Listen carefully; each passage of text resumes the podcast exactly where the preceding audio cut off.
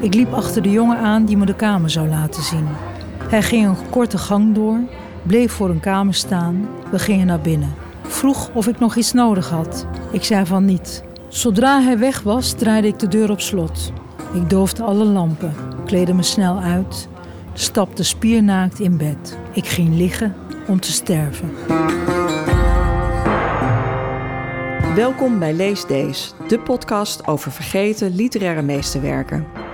Mijn naam is Irene Houthuis. Ik spreek in deze aflevering met drie kenners over het boek Gaan liggen om te sterven van de Turkse schrijver Adalet Ağulu.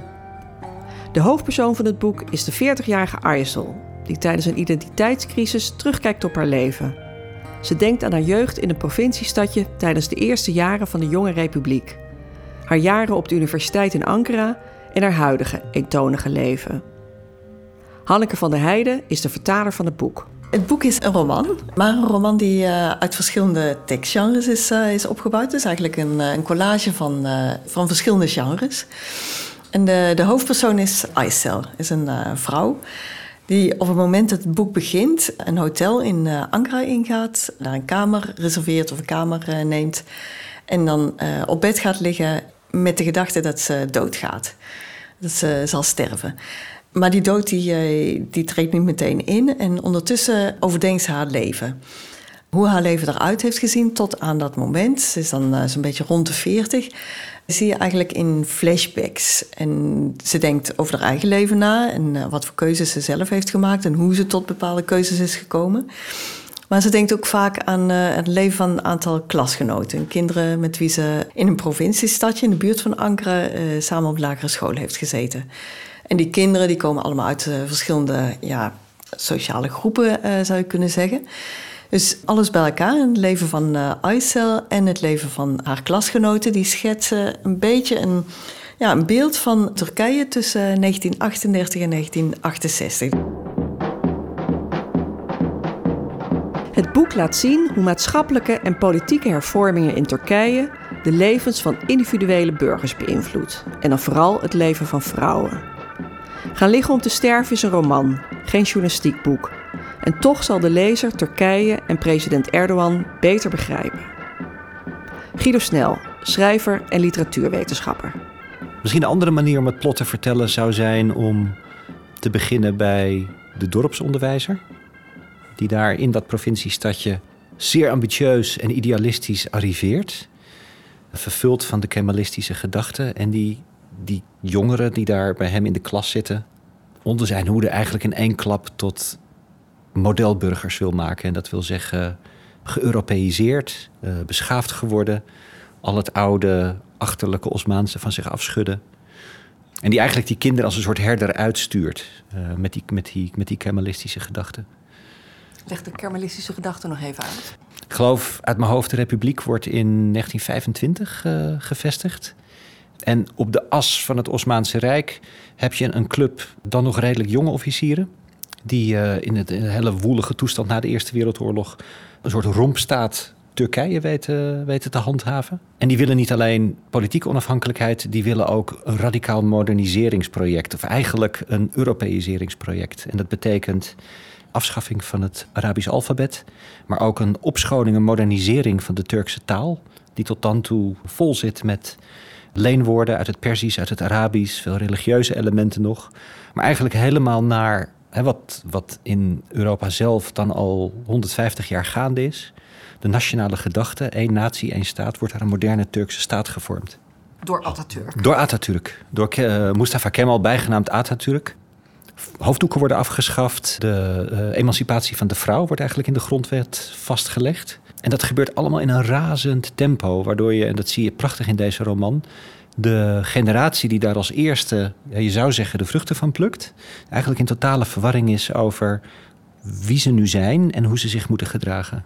En dan natuurlijk vooral de hoofdpersoon is een vrouw en dat is echt revolutionair in deze roman.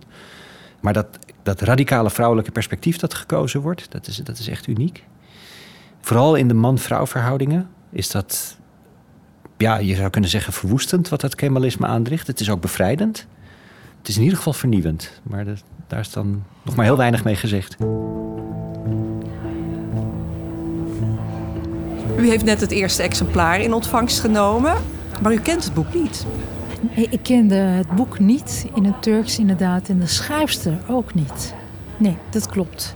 Dus ik voelde me ook een beetje bezwaard. Maar ik ken Hanneke wel. De vertaalster. De vertaalster Hanneke van der Heijden. En ik dacht, wat een geluk dat ik eh, dankzij haar Adalet Aolde leer kennen. Dat ik ehm Adalet Aolde kan lezen in mijn moederstaal, namelijk Nederlands. en wat tof dat zij dat heeft vertaald. En wat geweldig dat Jurgen Maas dat eh, heeft uitgegeven. Want ik heb twee dochters, Jasmin en Lela. En zij zijn ja, half Turks, half Nederlands. Dit is wel fantastisch. En voor ons in de maatschappij ook om te begrijpen hoe het zit nu helemaal met, met Turkije en de huidige, ja, eigenlijk de censuur en de onderdrukking en de psychologie, de massapsychologie ook van de mensen. En voor mijn kinderen ook. En voor alle eh, kinderen die misschien, en voor, voor mijzelf ook, maar om te weten wat, wat de geschiedenis is van het land waar ze toch een band mee hebben.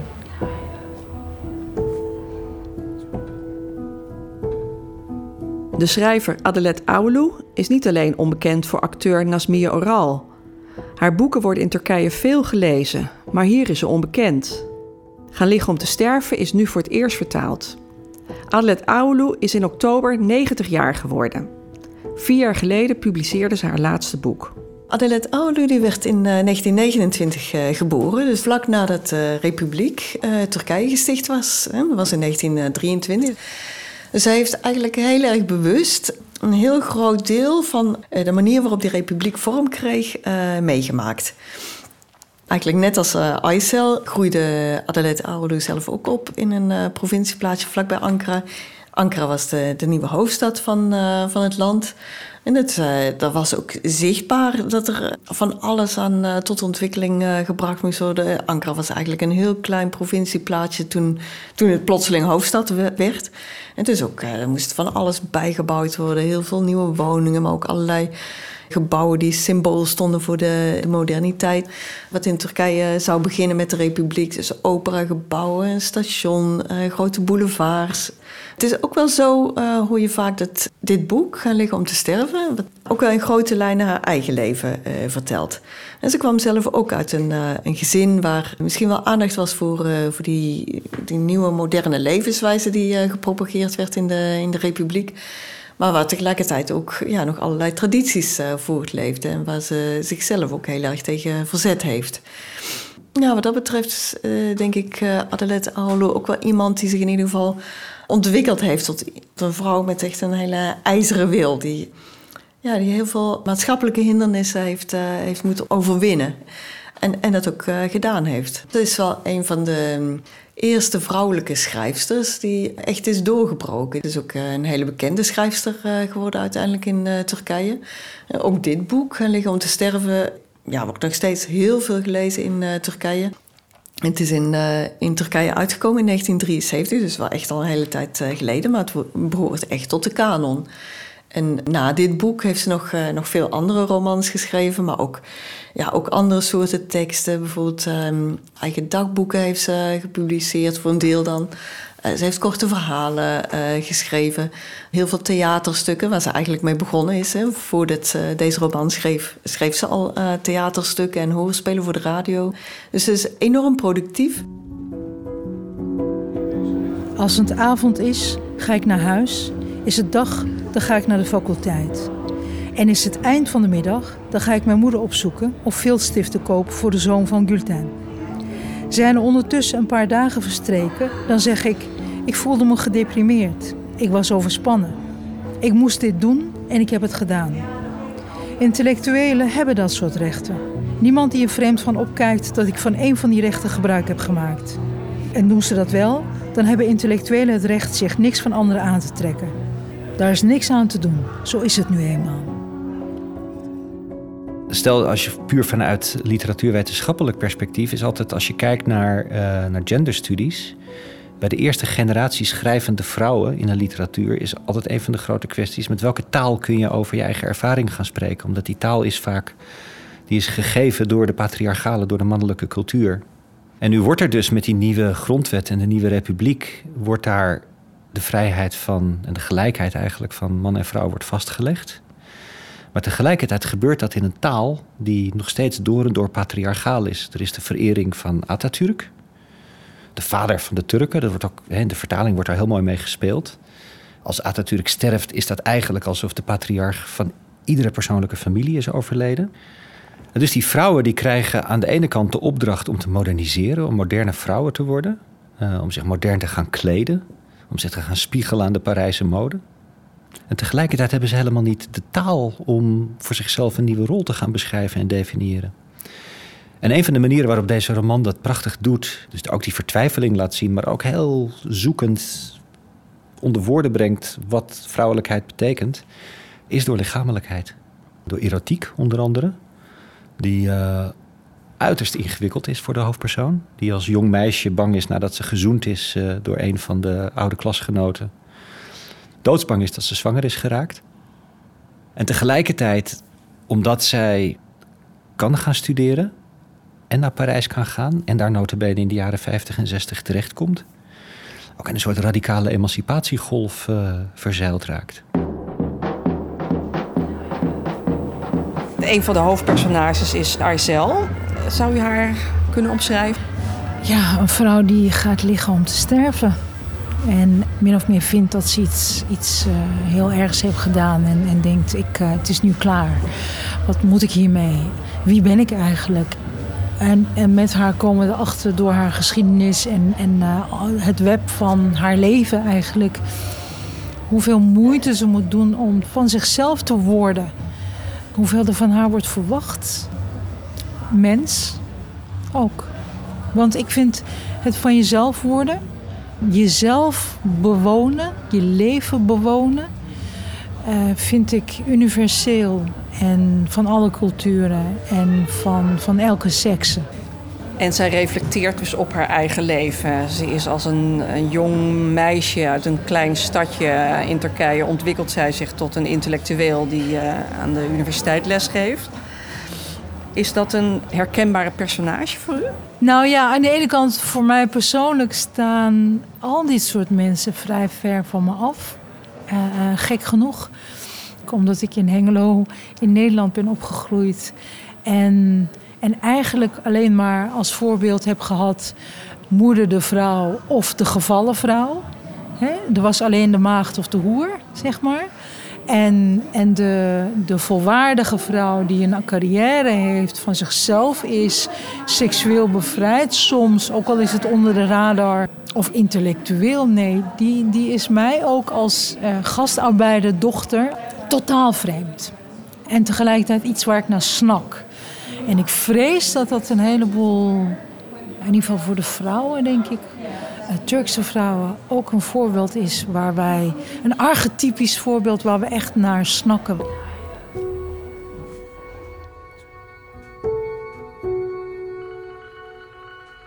Aisa is de, dochter van een, uh, een, middenstander. Iemand met een, uh, een kleine winkel in een provincieplaatsje. Ze wil eigenlijk kost wat kost verder leren.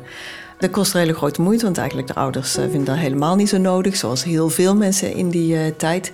Maar ja, ze verzet zich daar heel erg tegen en ze krijgt uiteindelijk gedaan dat ze naar Ankara kan. Ja, zo langzamerhand kan zich uh, ontwikkelen. Dus niet alleen middelbare school, maar ze gaat ook naar de universiteit. En uiteindelijk is ze uh, zelf docenten op, op de universiteit. Aisha is eigenlijk iemand die zich de hele tijd heel veel vragen stelt zich de hele tijd afvraagt waarom dingen zijn zoals ze zijn. En of ze ook niet op een andere manier zouden kunnen zijn. En of het niet veel beter zou zijn als, uh, op, ja, als dingen op een andere manier georganiseerd uh, waren. En in haar vragen, die, uh, die anderhalf uur dat ze in die hotelkamer is, stelt ze zich vooral ook heel erg veel vragen. En het is een heel kritisch iemand. En iemand die zich echt ontwikkelt van een heel schuchter, ja, bijna dorpsmeisje zou je zeggen, ook wonen ze in een stadje tot een zelfbewuste vrouw die universitair docent is en getrouwd is met een andere intellectueel. Ja, en die zich dan ook realiseert dat ja, niet alleen dat ze uh, grote offers daarvoor uh, moet brengen, Maar dat al die hervormingen, ook al staat ze daar uh, misschien wel achter, ook een hele hoop uh, dilemma's met zich uh, meebrengen. Zoals? En er, ja, het gaat bijvoorbeeld heel vaak in, over de verhouding tussen mannen en vrouwen of tussen jongens en meisjes. eerst op lagere school, later op middelbare school en de universiteit. En die eigenlijk door de oudere mensen ingepeperd krijgen dat ze ja, broers en zussen zijn. Maar ja, ze zijn natuurlijk niet alleen maar broer en, uh, en zussen. En mensen willen ook uh, relaties en liefdesrelaties. En hoe, ja, hoe ze die dingen met elkaar moeten verenigen, dat is echt een, uh, een groot probleem. Dat is een van de dilemma's waar ze zich voor gesteld ziet.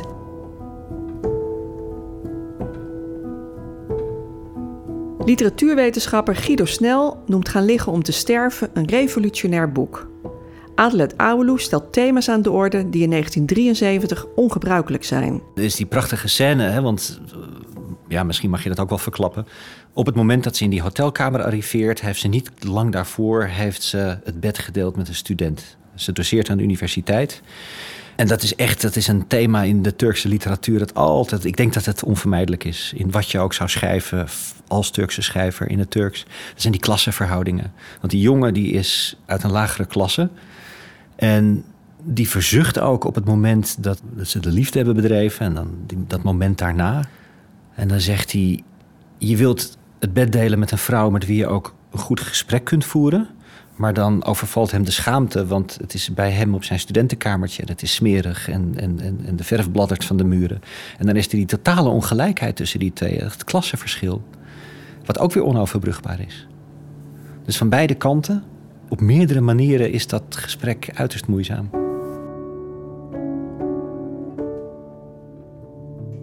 Het klassenverschil komt vaker in het boek voor.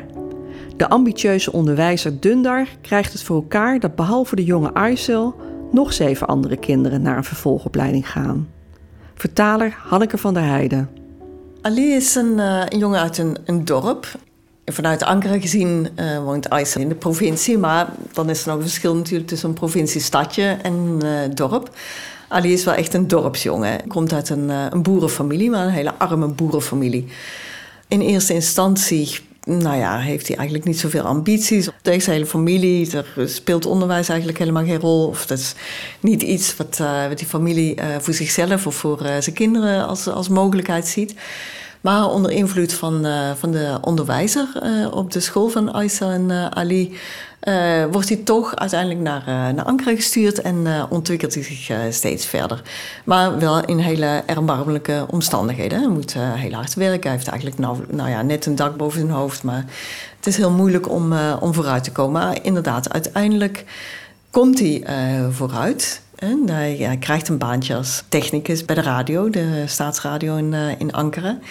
Ja, doordat hij in contact komt met ja, een hele groep linkse mensen, uh, linkse dichters, die een tijdschrift uitgeven, wordt hij zich ook steeds meer bewust van, van allerlei maatschappelijke en politieke tegenstellingen.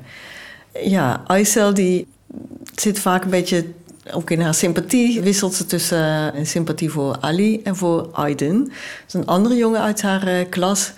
Aydin is de, zoon van de districtsgouverneur. Dus die is een, ja, de hele familie is een veel betere doen.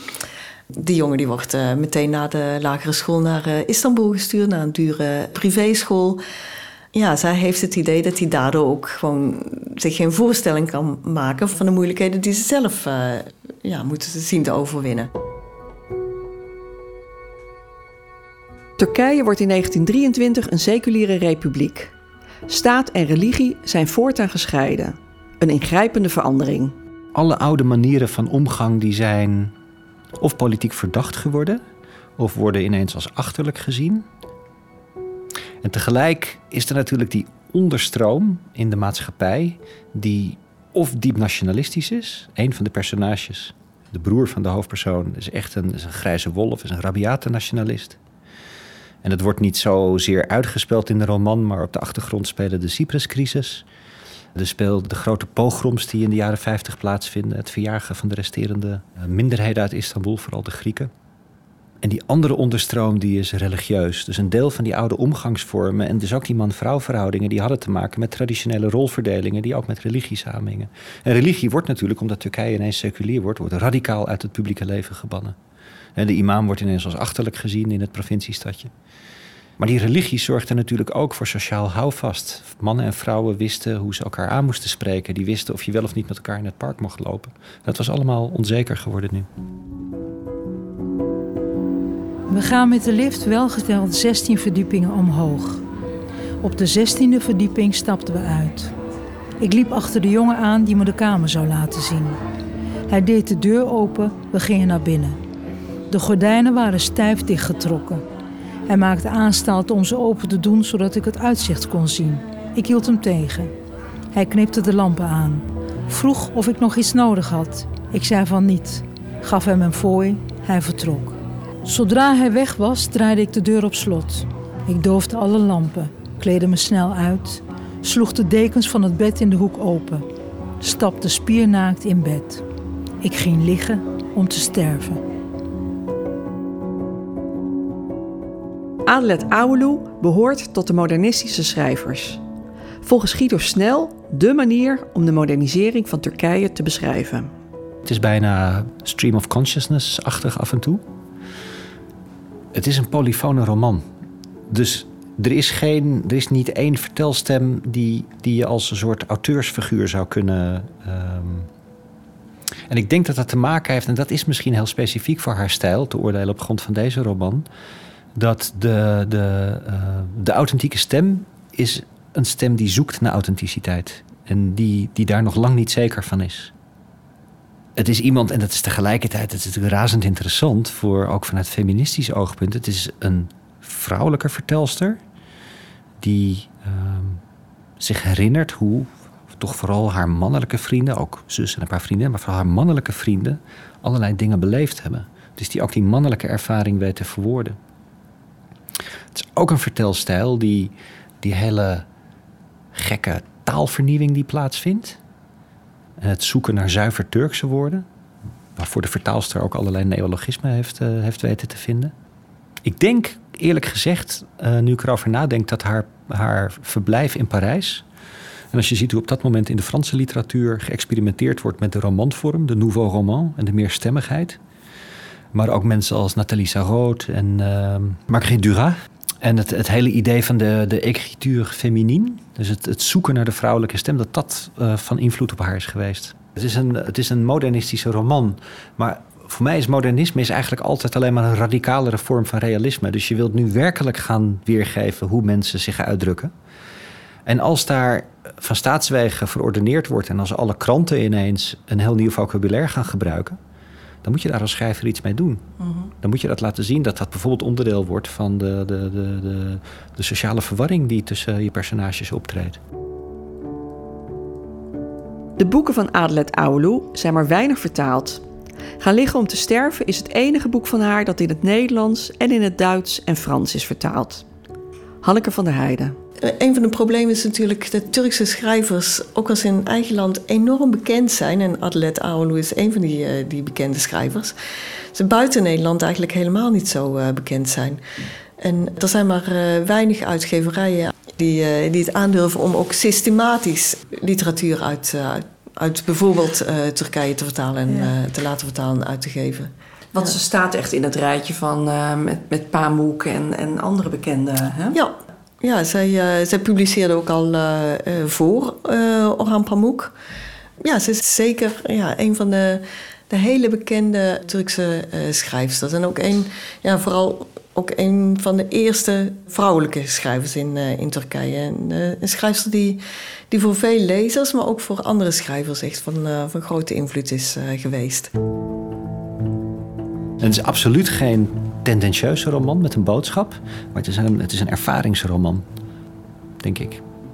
Mag ik dat zeggen? Het is geen plat activisme, geen plat feminisme. Het is ook geen plat socialisme, want dat kan gewoon niet. Het is gewoon te ingewikkeld daarvoor. Wie is de Turkse ja. vrije vrouw? Ja, en wat is vrijheid? Van wie, wiens vrijheid eigenlijk? Tot zover deze leesdays over Adelet Aoulou's boek Gaan liggen om te sterven van uitgeverij Jurgen Maas.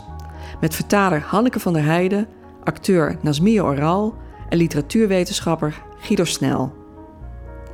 Lees Deze is een VPRO-podcast aanhakend bij de actie Schwab, een initiatief van het Nederlands Letterenfonds met aandacht voor schrijvers of vertalingen die extra aandacht verdienen. De teksten werden gelezen door Nasmia Oral.